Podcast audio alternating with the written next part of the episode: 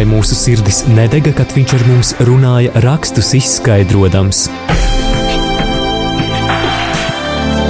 Ceļš uz zem mausu. Lauzīsim kopā Dieva vārda maizi, iedziļinoties dažādos bibliskos tematos.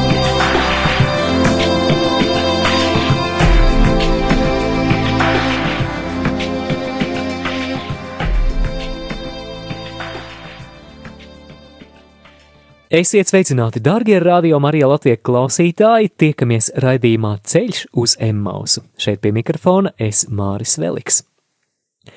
Ja klausījies šo raidījumu pirms nedēļas, tad zini, ka esam iesākuši jaunu raidījumu ciklu, kurā mēs eh, soli pa solim pētīsim radīšanas grāmatu, jeb pirmo mūzes grāmatu. Iepriekšējā raidījumā es, Priesteris Pēteris un arī Linda Ozoliņa runājām par eh, radīšanas grāmatu vispārīgi. Tas bija tāds ievads, kurā mēs runājām par šīs grāmatas tapšanu, par šīs grāmatas struktūru un arī galvenajām teoloģiskajām domām. Ja šo raidījumu palaidi garām, tad droši noklausies to Radio Marija Latvija arhīvā mājaslapā www.rml.lv. Šoreiz mēs pievēršamies konkrēti radīšanas grāmatas tekstam un sākam ar pirmo nodaļu, proti ar pasaules radīšanas stāstu. Šoreiz raidījumā piedāvājam kompilāciju no savulaik radio Marija ēterā jau izskanējušajiem raidījumiem, kurā ir runāts par pasaules radīšanu dzirdēsiet gan Lutera akadēmijas vecās derības pasniedzēju Lailu Čakari un arī priesteri Modri Lāci.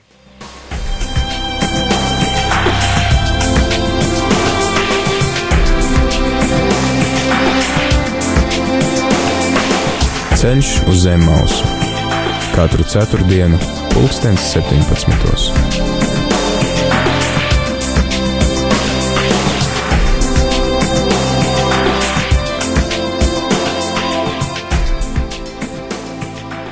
Lūk, arī Lutera akadēmijas pasniedzēja Laila Čakare. Ja tiešām tā nopietni grib eh, Bībeles tekstu studēt un tajā iedziļināties, tad vislabāk būtu sākt ar valodām.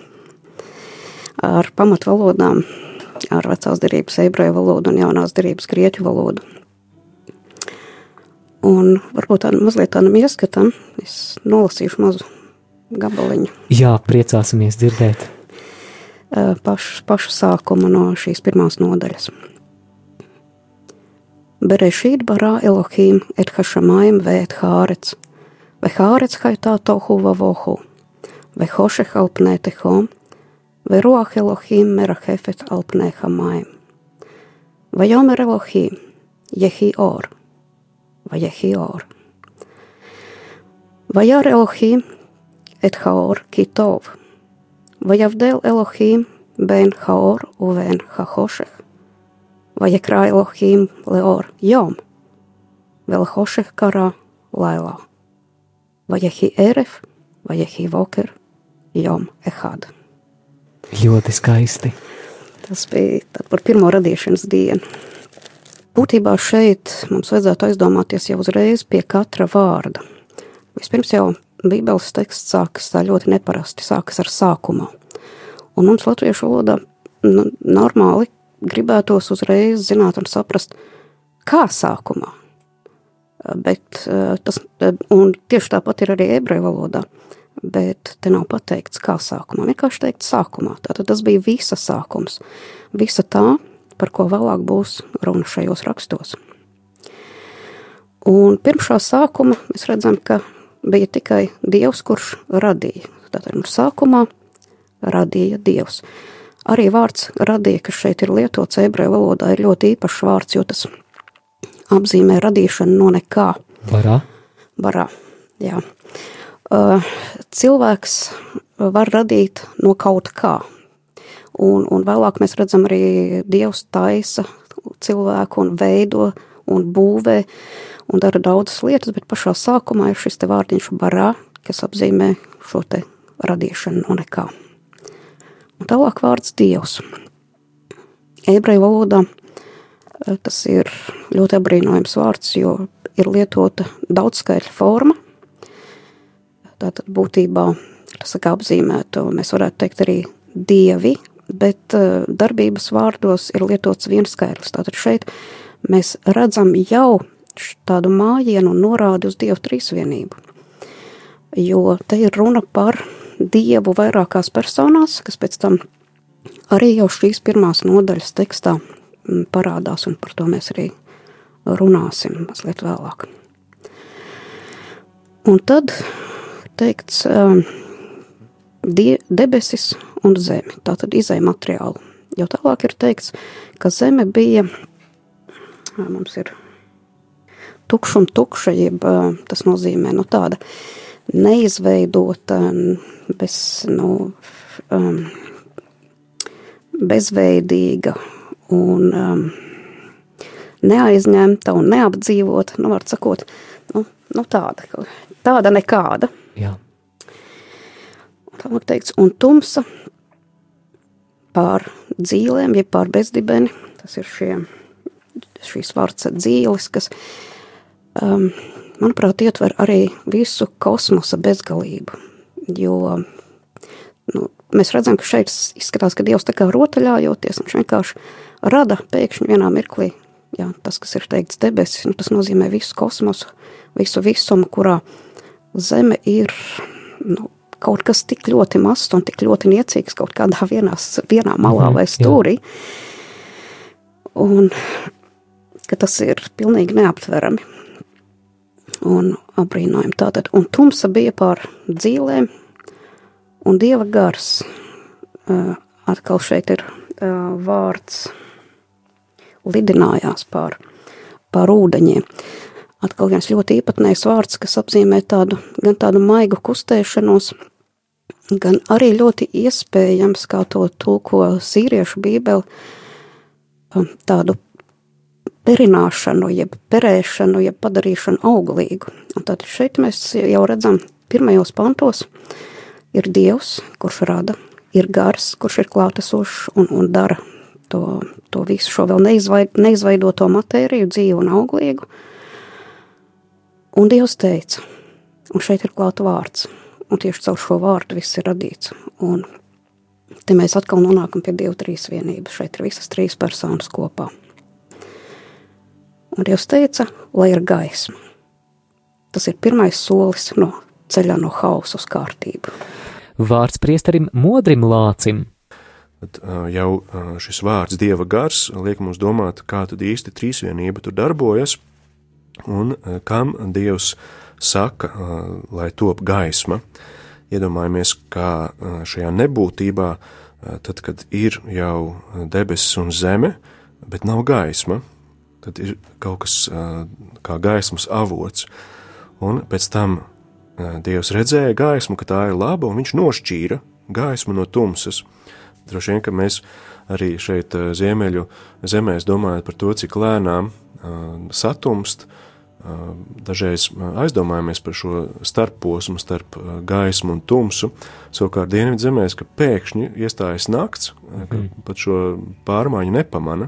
Tad katrā šajā pantā, pat lai cik poētiski un nezinātniski tas būtu, reiz ir ietverta kāda ļoti dziļa patiesība un kāds dziļš skatījums uz pasauli un pasaules realitāti. Un arī tālāk Dievs kaut ko nosauc. Mēs tālāk radīšanas stāstā redzējām, redzēsim, ka Dievs uztic Ādamam, pirmajam cilvēkam, nosaukt radības, bet jau ir kaut kas tāds, ko viņš ir nosaucis. Nosauca gaismu par dienu.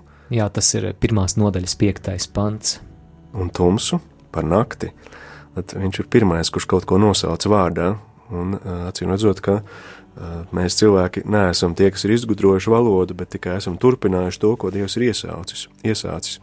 Un tāda ir šī pirmā diena, kad mēs redzam gaismas un tumsas mistēriju, kad um, ir kaut kas tāds, bez kā mēs šodien droši vien nevarētu iedomāties savu ikdienu.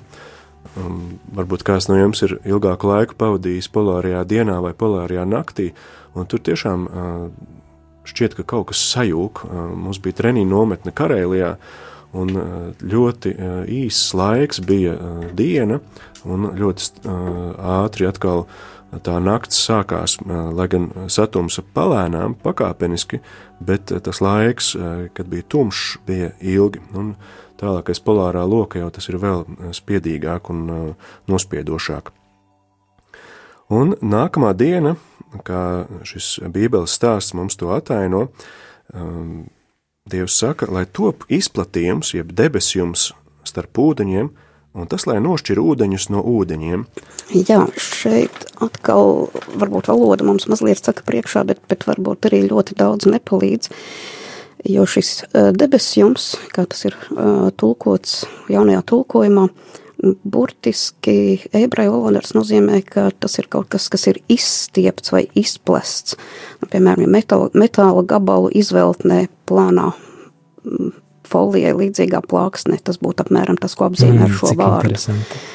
Vai, vai telts audumu izstiepja vai izpleš. Tātad šādā veidā nu, tad te ir teikts, ka Dievs šo debesu jumu izstiepa un izpleta un tādā veidā nodalīja ūdeņus, tos ūdeņus, kas pārklāja zemi. Tātad mēs šeit varam jau ieraudzīt, ka te ir ūdeņi, un ūdeņus, kas ir virs debesjuma, tātad visticamāk tādā gāzveida stāvoklī, tādā ūdenstvaiku stāvoklī, kas kā apvalks aptvēra zemi, tādā veidā radot uz zemes nu, tādu ļoti siltu un mitru klimatu, kas visticamāk arī bija nu, šajā pasaules radīšanas sākumā.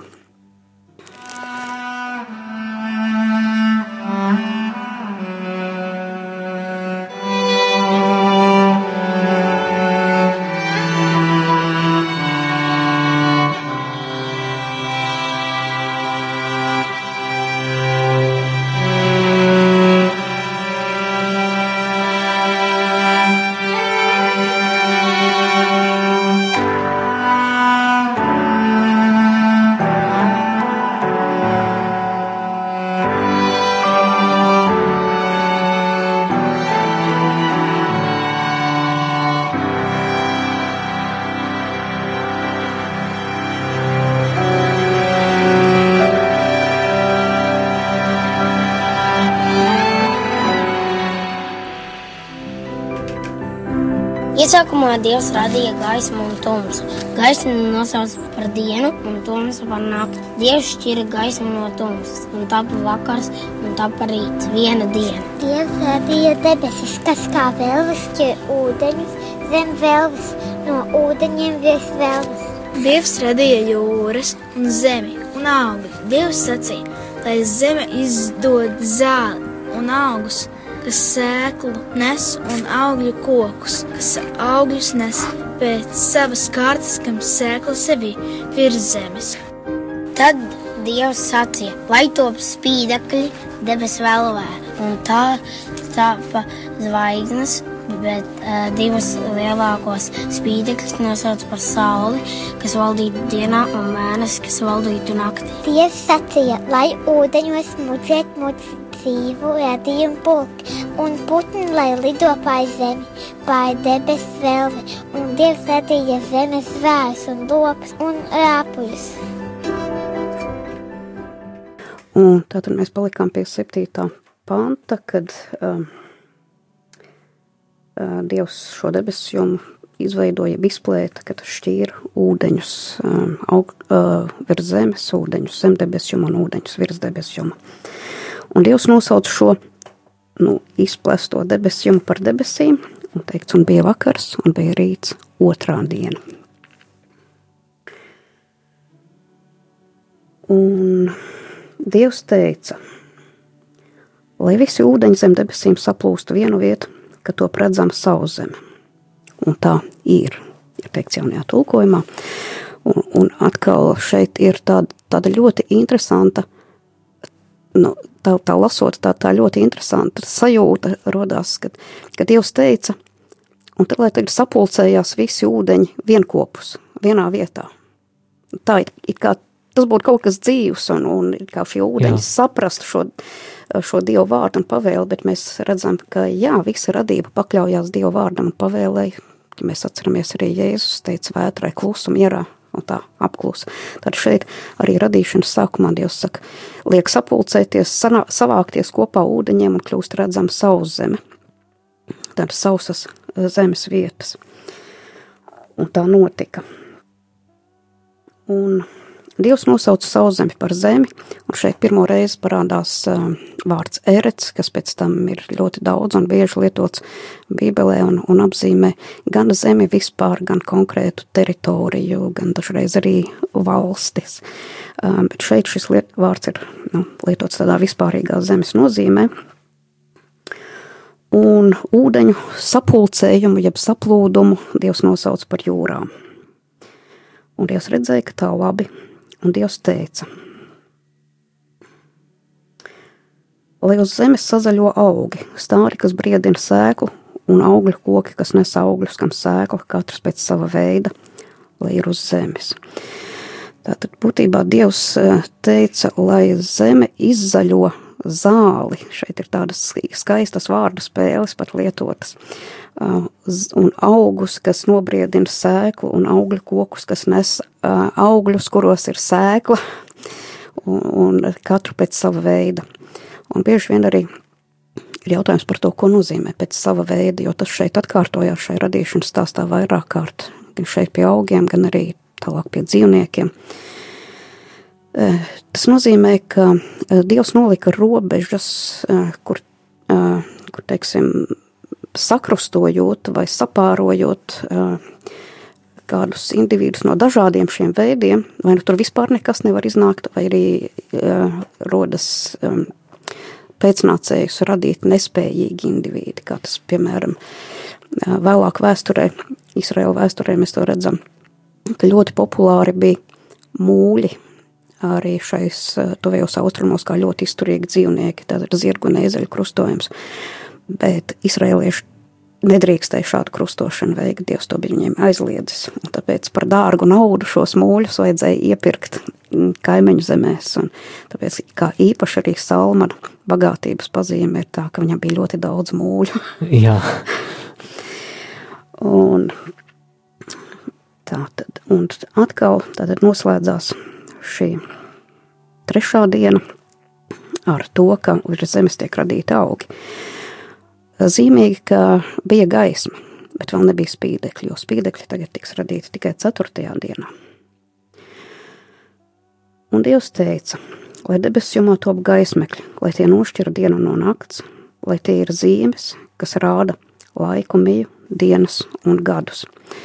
Nu, laiku miju šeit atkal lietots tāds, tāds vārds, kas apzīmē noteiktos laikus, mhm norunātos, nosacītos laikus. Vārds, kas vēlāk tiek lietots arī attiecībā uz sajiešanas telti, tātad šo telti, kur notiek dievkalpojumi. Viņu ebrejiski sauc par Ohelmo ēdu. Tātad, kur noteiktos laikos cilvēki sanāk tieši uz šo dievkalpošanu. Tātad šeit arī runa, ka šiem, šie spīdekļi, ko Dievs rada, ir par zīmi, kas rāda noteiktos laikus, nosaka dienas un gadus. Tātad, eh, vai šeit parādās mazliet kaut kāds liturģisks konteksts, ja tā var teikt, ja runa, ja te ir kaut kāda saistība ar šo sajiešanas telti, ko Mozus uzcēla kā, kā tempļa prototips kaut kāds? Vis, vai? Vismaz tas vārds, kas šeit ir lietots apzīmējot laikus, jā, ļauj par jā, to domāt. Jā, ka tas, ka tas ir nu, tiešām apzināti tāds izvēlēts, jo varēja var izvēlēties vienkāršu vārdu, vienkāršu laiks, bez kādas šādas jā. nozīmes. Un, un Dievs taisīja divus lielus gaismekļus. Lielāko gaismekli, lai valda pār dienu, un mazāko gaismekli, lai valda pār nakti un zvaigznes. Un atkal šeit tas, un zvaigznes tas tiek pateikts tā tik vienkārši, kā tas nekad ne, nekas nebūtu, nekas sevišķs. Nu tā, tādi mazi spīgulīši tur debesjumā, vienkārši, lai skaisti izskatās. Bet mēs, mēs taču zinām, ka aiz katras šīs zvaigznes tā milzīga pasaule. Tātad, um, ko Dievs um, šeit rada, nu tā, it kā starp citu, it kā rotaļājoties, vismaz tāds iespējas rodas, lasot šo, šo nodaļu. Un Dievs ielika tos debesis jumā, lai dod zemē gaismu, lai valda pār dienu un pār nakti, un lai nošķir gaismu no tumsas. Un Dievs redzēja, ka tā labi, un bija vakars un bija rīts, ceturtā diena.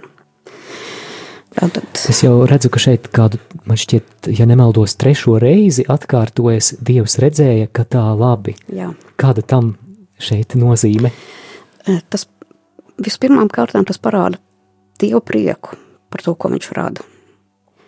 Un uh, tas parāda šo brīnišķīgo pasauli, ko Dievs radīja, cik tā tiešām bija brīnišķīga un laba pirms uh, grēks to bija sabojājis. Un mēs redzam, ka pat vēl tagad, dzīvojot šādā grēka izkropļotā pasaulē, mēs redzam, cik tā ir skaista un cik tā ir brīnišķīgi radīta.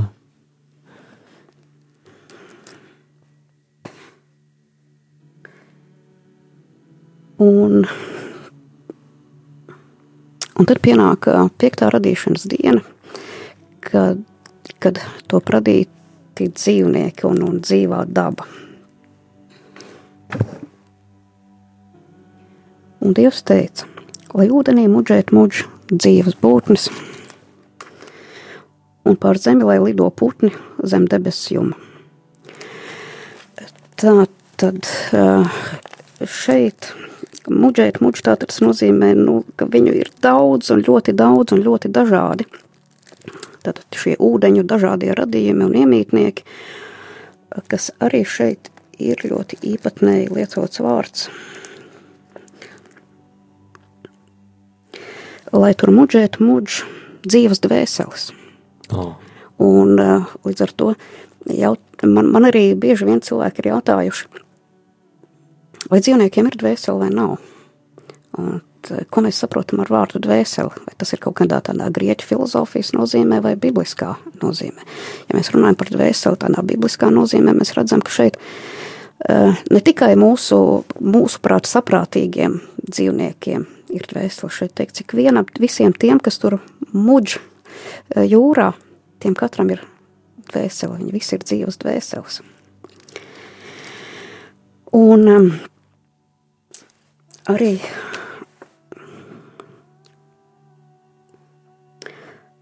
par, um, un par zemi, lai lido putni zem debes, būtībā te arī ir lietots tāds ļoti ap, apkopojošs vārds - lidoņi. Vienkārši visi, kam, kas lido, visi, kam ir spārni. Eh, Kaut kad vēlāk, eh, piemēram, trešajā mūzes grāmatā, kur ir eh, runa par to, kas ir šķīsts un kas ir nešķīsts, kas ir ēdams un nēdams, tur pie putniem tiek pieskaitīti ka- it kā arī sikspārņi, bet būtībā viņi netiek pieskaitīti pie putniem. Dievs te nav neko sajaucis, vienkārši šis vārds ūf apzīmē lidoni vispār tādu, kas Jā. lido, nevis, Jā. no, nevis tikai putnus. Un Un nākamais uh, pieminētais dzīves radījums 21. pantā ir atkal ļoti, ļoti īpatnējs un interesants. Un Dievs radīja lielus zvērus, tik vienkārši tas ir pateikt jaunajā tulkojumā, un mēs nezinām, kas tie par lieliem zvēriem, bet ebreju valodā ir atkal lietots viens tāds ļoti īpatnējs vārds. Viņš radīja tanīm, un tanīm apzīmē tādu monstru briesmoni, kā čūsku, kā puķi, nu, mēs varētu šeit saskatīt gan to, ka puķi ir kādreiz bijuši virs zemes, un, un, un iespējams, ka šie puķi ir bijuši tie paši dinozauri. Tātad lieli šādi monstri, citi saka, jūras čūskas, um, mēģina to saistīt ar jūru, jo šeit kā, ir kā runa par jūru un jūras dzīvniekiem. Uh, Bet nu, es domāju, ka tas neatiecas tikai uz jūru, jo vēlāk šis pats vārds tiek lietots arī tur, kur Mūzes demonstrē savus nu, savu pārākumu pār faraona magiem un burvjiem. Viņš nomet savu uh, spieķa zemē, un tas kļūst par čūsku. Un, un arī šie magi nomet savus spieķus, un tie kļūst par čūskām. Un mūzes čūska aprī šīs te faraona magu, ja burvju čūskas, un šeit ir lietots šis pats vārds. Uh, šīs čūskas tiek sauktas par tanīm.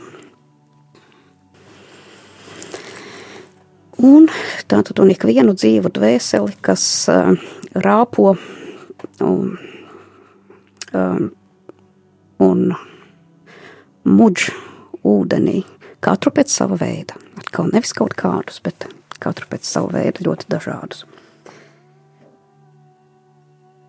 Un atkal lasām, Dievs redzēja, ka tā labi, nu jau Jā. ceturto reizi šis Jā. apgalvojums šeit lasāms. Tad būtībā pie katras dienas, gandrīz katras dienas beigās arī šī uh, parādās šis teikums, ka tiešām mēs redzam, ka Dievs priecājās par to, ka tas ir brīnišķīgi un labi izdarīts. Un šeit pirmo reizi parādās vārds svētīt. Un Dievs svētīja viņus, tātad viņš svētīja visas šīs dzīvās būtnes, ko bija radījis, sacīdams augļojieties un vairojieties un piepildiet zemi. À, tas ir šeit. Piepildiet ūdeņus jūrās, bet putni lai vairojas uz zemes. Tā pati pavēle, kas vēlāk tiks dot arī cilvēkam. Tad kļūt daudz, viņi jau tā muģi jūrās, bet jau saka augļojieties un vairojieties un piepildiet visas jūras un, un, un arī putni, lai vairojas un, un piepilda visas debesis. Un atkal un bija vakars un bija rīts, piektā diena.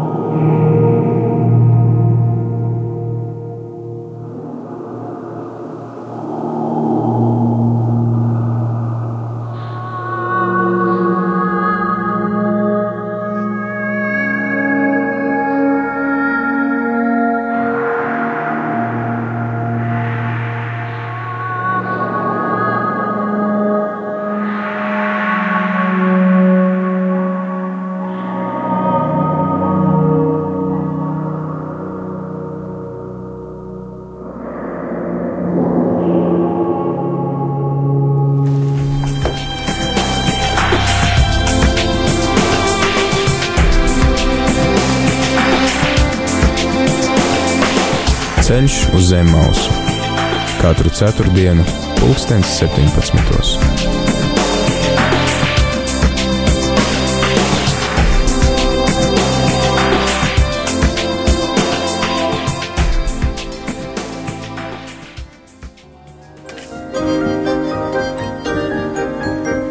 Dievs sacīja, darīsim cilvēku pēc mūsu tēla, pēc mūsu līdzības. Tie, lai valda pār zivīm jūrā, un par putniem gaisā, un par lopiem, un par visu zemi, un visiem rāpuļiem, kas rāpo zemes virsū.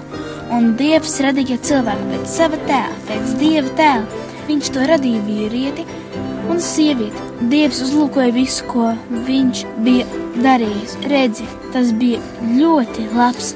Tā tika paveiktas debesis un zeme un visi pulki, un Dievs pabeidza septītajā dienā savu darbu, ko viņš bija darījis, un atdusējā septītajā dienā no visu savu darbu, ko bija darījis.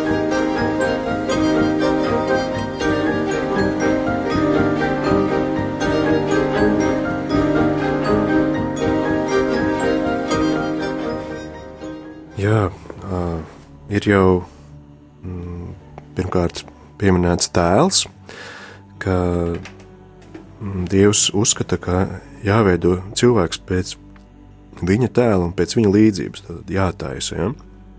Un jau uzreiz nospriež, ka cilvēkam vajadzētu valdīt pār zivīm jūrā un pār putniem debesīs, pār lopiem, pār visu zemi, pār visiem rāpļiem, kas rāpo pa zemi. Un man uzreiz ienāca prātā pāvesta Franciska um, encyklika Laudato Si, kur um, Presteris Pēters uh, arī tajās um, rīta katehēzēs, ka viņš izsekoja uh, šai encyklikai um, daudz uh, arī pieminēja, piemēram, par to izmešanas kultūru, par to, ka, ja arī mums ir uzticēta šī valdīšana pār dzīvo radību, mēs nevienmēr esam uzņēmušies pilnībā to atbildību un nevienmēr esam centušies no sirds pildīt to misiju. Arī uh, interesanti, ka 26. pantā uh, Dievs uh, saka, taisīsim, tā tad ir daudz skaitlis. Uh, kristiešiem noteikti uh, pirmais, kas nāk prātā, ah, redz, kā tā ir trīsvienība, viņi uh, runā Dievs ar, ar Dievs tēvs, ar Dievu dēlu un svēto garu, viņi apspriežas līdzīgi kā Andreja Rubļova ikonā, trīsvienība, ka viņi sēž ap šo altāri, uz kur ir biķeris un viens ar otru runā, komunicē. Jā, trīsvienībā tas tiešām ir kā iekšēja komunikācija, iekšēja saziņa un komunija, un droši vien, ka ebreju vārds Elohim, kas nozīmē dievs it kā daudzskaitlī, daudzskaitļa vārds, bet eh, kas noteikti ir eh, monoteisks dievs, eh, tāds, kurš ir tikai viens, vienā personā, un, kā mēs teiktu, trīsvienība, bet tas ir tikai viens dievs. Un tiek nolēmts, ka jārada cilvēks. Protams, mēs varam spriest, kā īsti atklāsme ir nonākusi līdz cilvēkam, kā cilvēki ir domājuši, jā, kas tur sākumā ir bijis. Un mēs zinām, ka tā ir svētā gara iedvesmā tapusi grāmata vai vesels grāmatu kopums, un šis teksts viņš ir sakrāls, un no tā mēs varam ļoti daudz ko izlobīt. Bet tomēr tie ir bijuši cilvēki, pat svētā gara iedvesmoti cilvēki, bet tas nav, kā piemēram, islamā teiktu, ka Korāns ir nomests tieši no debesīm, gatavs, at, kaut kas cilvēcisks ir katrā šajā vārdā, jo pati valoda ir cilvēciska. Un tādā nozīmē mums būtu vērts, ja gribam tā nopietnāk un dziļāk skatīties to visu, piemēram, paskatīties arī 1993. gada Pontificālās Bībeles komisijas izdoto dokumentu The Interpretation of the Bible in the Church, ja to skatāmies Vatikāna mājaslapā, bet varbūt arī šur tur ir pieejams latviešu tulkojums, tātad Bībeles interpretācija baznīcā, ka šiem tekstiem, šiem vārdiem mums ir vienmēr jāprot atrast tā dziļākā nozīme, ka viņi paši tā, tāpat vien nedodas rokā. Arī domājot par to, kā tas ir, ka mēs esam radīti pēc Dieva tēla un pēc viņa līdzības, ko īsti tas nozīmē, mēs parasti diezgan viegli šo atpakaļejošo procesu varam iezīmēt. Piemēram, ir ķīmijā ir neatgriezeniskas reakcijas, kuras atpakaļ gaitā nedarbojas, un tomēr mēs varam izsekot kā pa pēdām, kur īsti Dievs ir gājis, un ja radīšanas stāsts mums ir kā atslēga, tad mēs varam, ejot pa šo taku, arī atrast Dieva pēdas, tad viņu atrast pašā radībā, un ja sestā diena ir šī kvintesence, pats augstākais radīšanas punkts, un ka cilvēks ir radības kronis, varbūt kāds no mūsdienu uh, morāles un ētikas pētniekiem gribētu apšaubīt, arī sakot, nu, lūk, uh, tā cilvēks savas tiesības uh, nostāda augstāk par dzīvnieku vai augu tiesībām, varbūt, bet to mēs atklāsmē tieši šādā veidā saņemam, un tad ieraugām, ka sevī cilvēkā, savā dvēselē, savā antropoloģiskajā, cilvēciskajā struktūrā mēs atklājam, kāds ir Dievs. Un, protams, mums jābūt ļoti uzmanīgiem. Tas nav tik vienkārši, ka tā tad mēs esam radīti pēc Dieva attēla līdzības. Ā, nu skaidrs, tad Dievs ir tāds kā mēs. Tā, tas saucās antropomorfisms, tad antropos cilvēks un morfē veids, un mēs veidojam, radām atkal dievu pēc savas līdzības. Un uh, visa vecā derība ir, ir pilna ar šādiem antropomorfismiem, par dieva dusmām un par to, ka viņš ir uh, nu, aizmidzis vai atkal, ka viņš kaut ko dara ļoti cilvēcisku, greizsirdīgs. Jā, mēs varam šādā veidā to stādīties priekšā, bet zināt tomēr, ka tas viss ir vēl augstāk un sarežģītāk. Kāpēc šeit ir lietots darbības vārds daudzskaitlī taisīsim cilvēku, vai tas arī ir redzams šajā ebreju tekstā? Jā, tieši tā. Ebreju valodā ļoti izteikti visiem darbības vārdiem, visos darbības vārdos ir ietverti iekšā dzimte un skaitlis un persona. Tā ka šeit pat var redzēt, ka tas ir daudz skaitlis un pirmā persona. Jā. Mēs, Dievs apspriežās ar kādu, viņš saka, mēs taisīsim, ar ko viņš apspriežās. Nu, ebreji, komentējot šo rakstu vietu, bieži vien saka, Dievs apspriežās ar eņģeļiem bet to izslēdz nākamais pāns. Un Dievs saka, pēc mūsu tēla. Mm. Kādu mēs viņu taisīsim mm -hmm. pēc mūsu tēla pēc mūsu līdzības? Un tālāk 27. pāns arī saka, un Dievs radīja cilvēku pēc sava tēla. Pēc dieva tēla viņš radīja to vīrieti un sievieti. Viņš radīja, ļoti prasās vēl vārdiņš, tos. Jo Jā šeit īpaši ir uzsvērts, ka Dievs radīja cilvēku, un te arī ir, ir jau iepriekš, lai nosakot šo cilvēku uzdevumu, Dievs saka, radīsim cilvēku, ja taisīsim, nav lietots vārds barā, bet ir lietots vārds, kas apzīmē izgatavošanu no kaut kā, no kāda materiāla, un vēlāk tad otrajā nodaļā tas ir atklāts, no kāda materiāla tad cilvēks tiek veidots. Un šis uzdevums tiek dots jau paredzot, ka viņu būs daudz, nevis viens. Tātad, lai tie valda pār, zi, pār jūras zivīm un pār debesu lido, lidoņiem. Un šis arī šis vārds, kas šeit ir lietots ebreju valodā, tas nozīmē, nu tā, pakļaut, pārvaldīt, tātad būt kungam un noteicējam. Tātad šādas lielas pilnvaras uh, Dievs dod cilvēkiem, viņus radīdams, būt valdniekiem, būt pārvaldniekiem, Eh, nevien par to, ko mēs teiksim, tā varētu varbūt iedomāties un aptvert, nu, dzīvnieki, kas ir saprātīgi, bet nē, pār jūras zivīm un pār putniem, visiem, kas lido zem debesīm, kur mums eh, pēc šīs grēka samaitātājā pasaulē, mums liekas, tas, tas vispār nav iespējams, bet šāda te pilnvara cilvēkiem bija dota, un savā ziņā tas arī atklāja to, ko nozīmē pēc dieva tēla un, pēc, un kā dieva līdzībā, kā šeit ir teikts burtiski. Tātad dieva tēlā un kā viņa līdzībā. Tas nozīmē, ka e, šīs kaut ko dievs no šīm savām valdnieka funkcijām dievs deleģē cilvēkam. Viņš ieceļ viņu par savu vietnieku, par savu pārvaldnieku šeit virs zemes. Nu, protams, daudzas citas lietas arī ietver šis dieva tēls un, un dieva līdzība, kas cilvēkam tiek dota, un viena no tām ir nemirstība.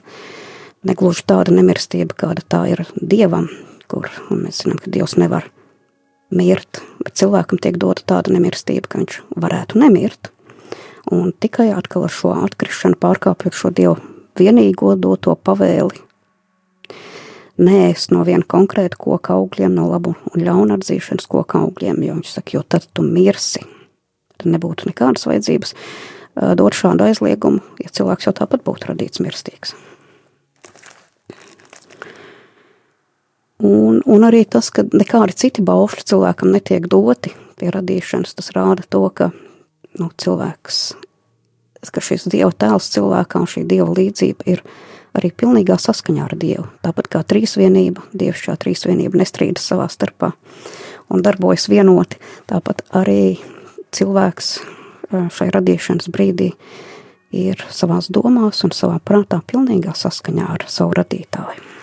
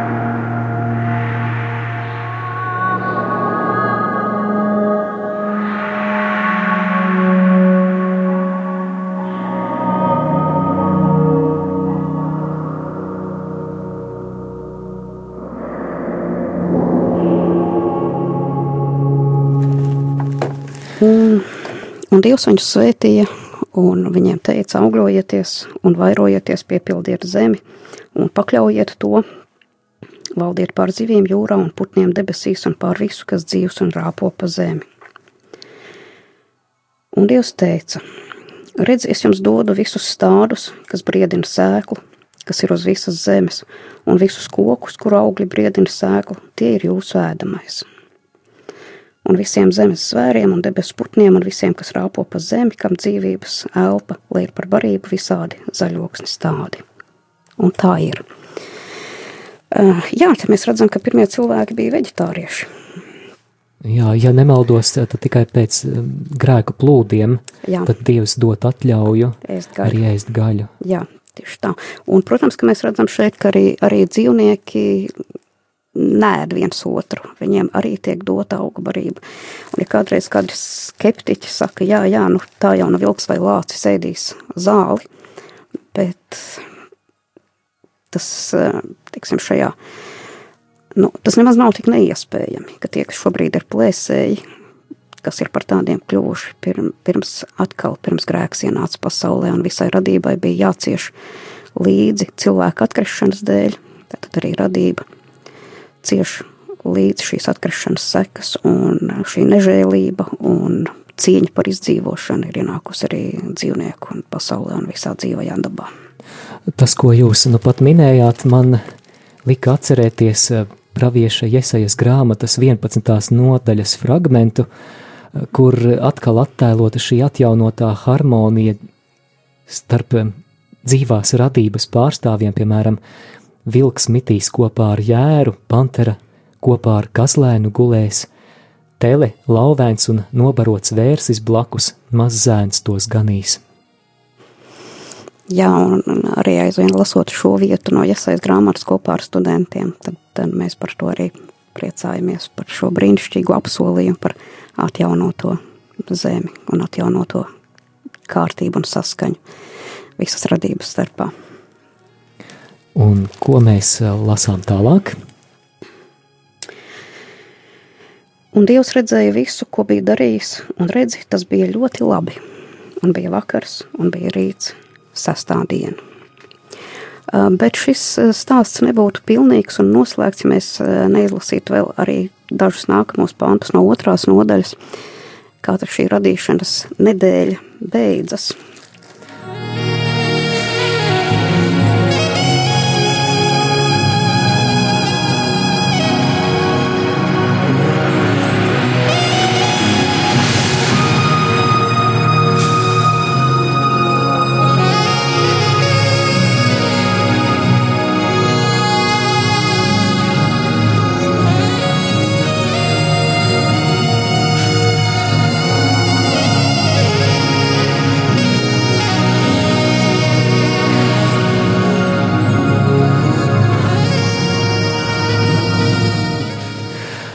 Runājam par pasaules radīšanu, radīšanas grāmatas, pirmās mūzes grāmatas pirmajā nodaļā, un nu jau klāt arī otrā nodaļa, kurā mēs lasām par septīto dienu.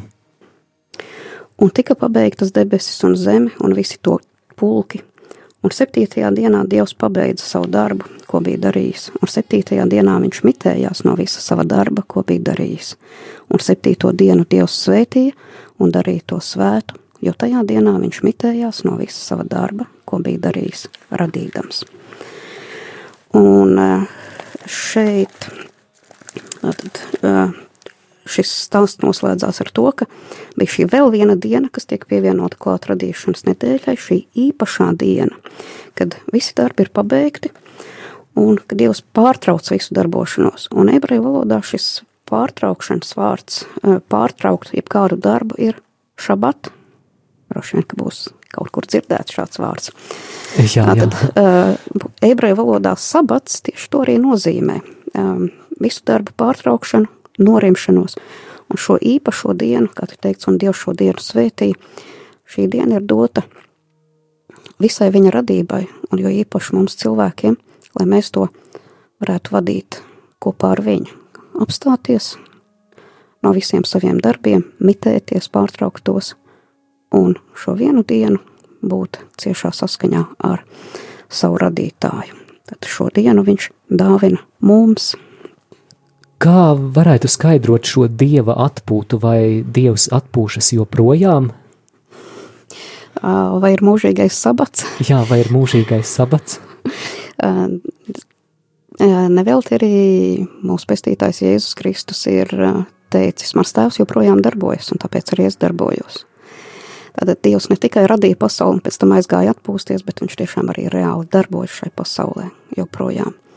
Un mūžīgais sabats tas būs mums, kad būsim tur kopā ar viņu, viņa valstībā.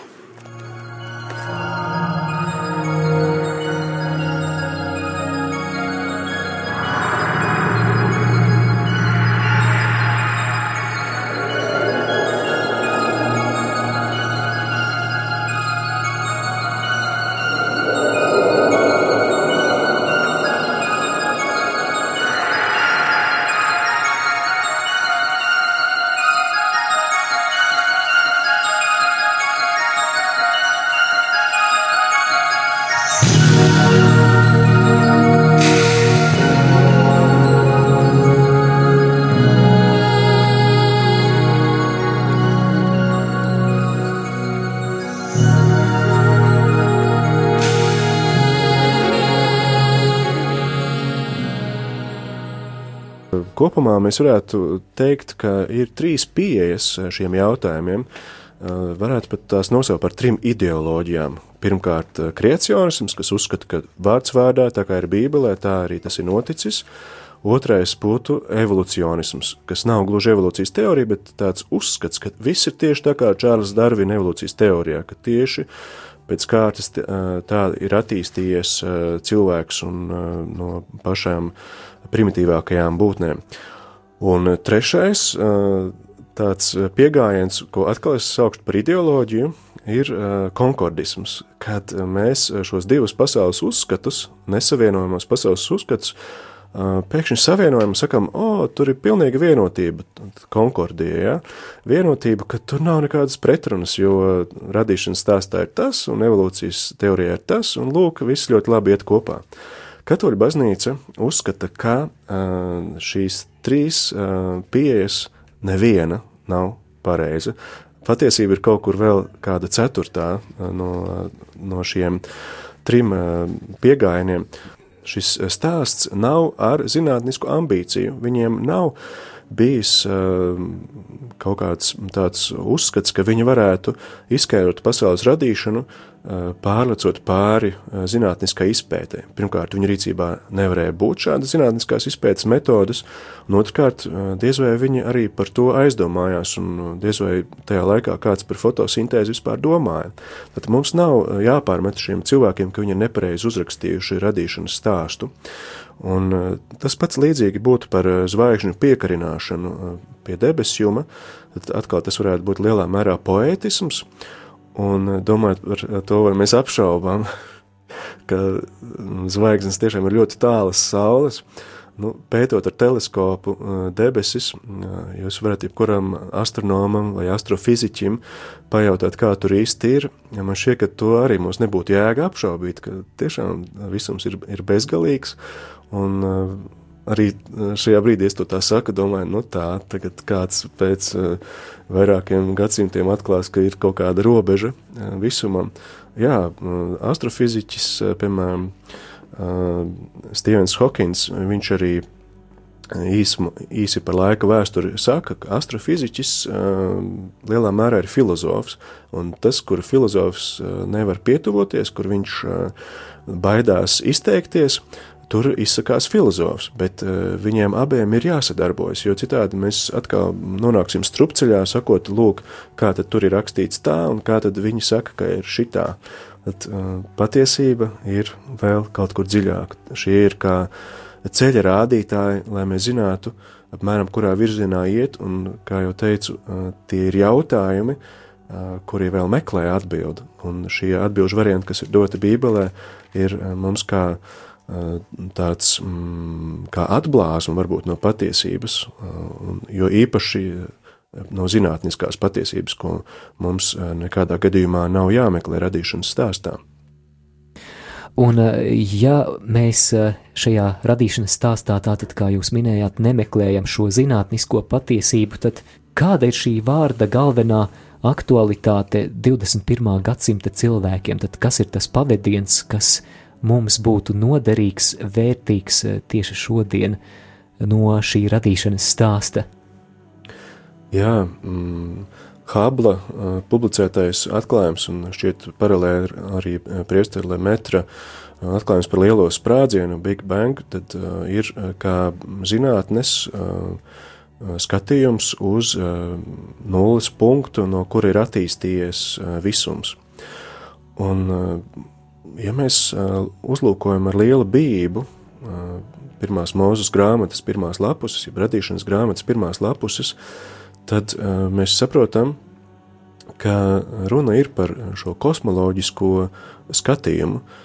Runa nav par kaut kādiem precīziem faktiem, kurus mums tagad būtu iespēja apšaubīt un apstrīdēt, līdzīgi kā skatoties šo animācijas filmu, mēs varētu smieties, nu, kur tad uh, tas jau ne, galīgi neizskatās pēc cilvēka, un, un vai tas ir krokodils, vai tādas krāsas, kur jūs esat redzējuši. Uh, piemēram, uh, uzlūkot bērnu zīmējumus, it kā ar uh, mil, milzīgu uh, fotoreālismu piekritēju skatienu. Līdzīgi tas ir arī ar cilvēces bērnību, kad mēs esam auguši tūkstošiem gadu pirms modernās zinātnes attīstības, tad tā ir renesanse, Koperniks, ja, Kopernika apvērsums, tad skaidrs, ka mums ir arī ar lielu tādu mīlestību jāuzlūko šie cilvēki, kuri ievieš zināmu kārtību tajā haosā, kas tolaik valda kaimiņu tautās, kā ir radusies un veidojusies pasaule. Ka varbūt, ka tur ir dažādas šīs kosmogonijas, ka ir kādi labie dievi un ļaunie dievi, ka ir sākotnējais hauss, kā grieķu mitoloģijā, vai arī kā Aristotelim, ka vispār nekas nekad nav radies, bet vienmēr ir bijis.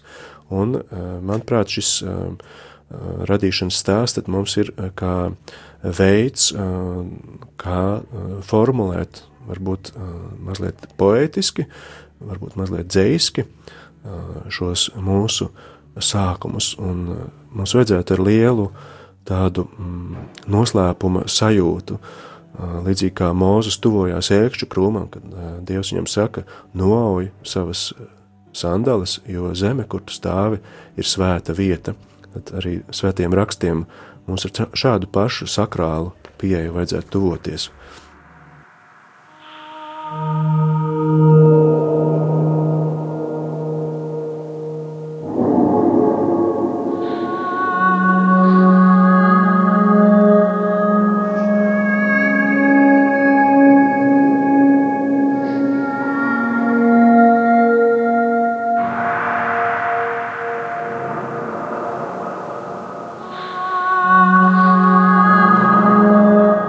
Darbie radio klausītāji, šoreiz tāds apkopojošs raidījums par radīšanas grāmatas pirmo nodaļu par pasaules pirmo radīšanas stāstu, kurā mēs dzirdējām ieskatu iepriekš izskanējušos raidījumos, piedaloties gan Lutera akadēmijas pasniedzējai Lailai Čakarei, gan priesterim Modrim Lācim. Nākamajā raidījumā turpināsim aplūkot radīšanas otro stāstu, kuru mēs varam lasīt radīšanas grāmatas, jeb pirmās mūzes grāmatas otrajā nodaļā.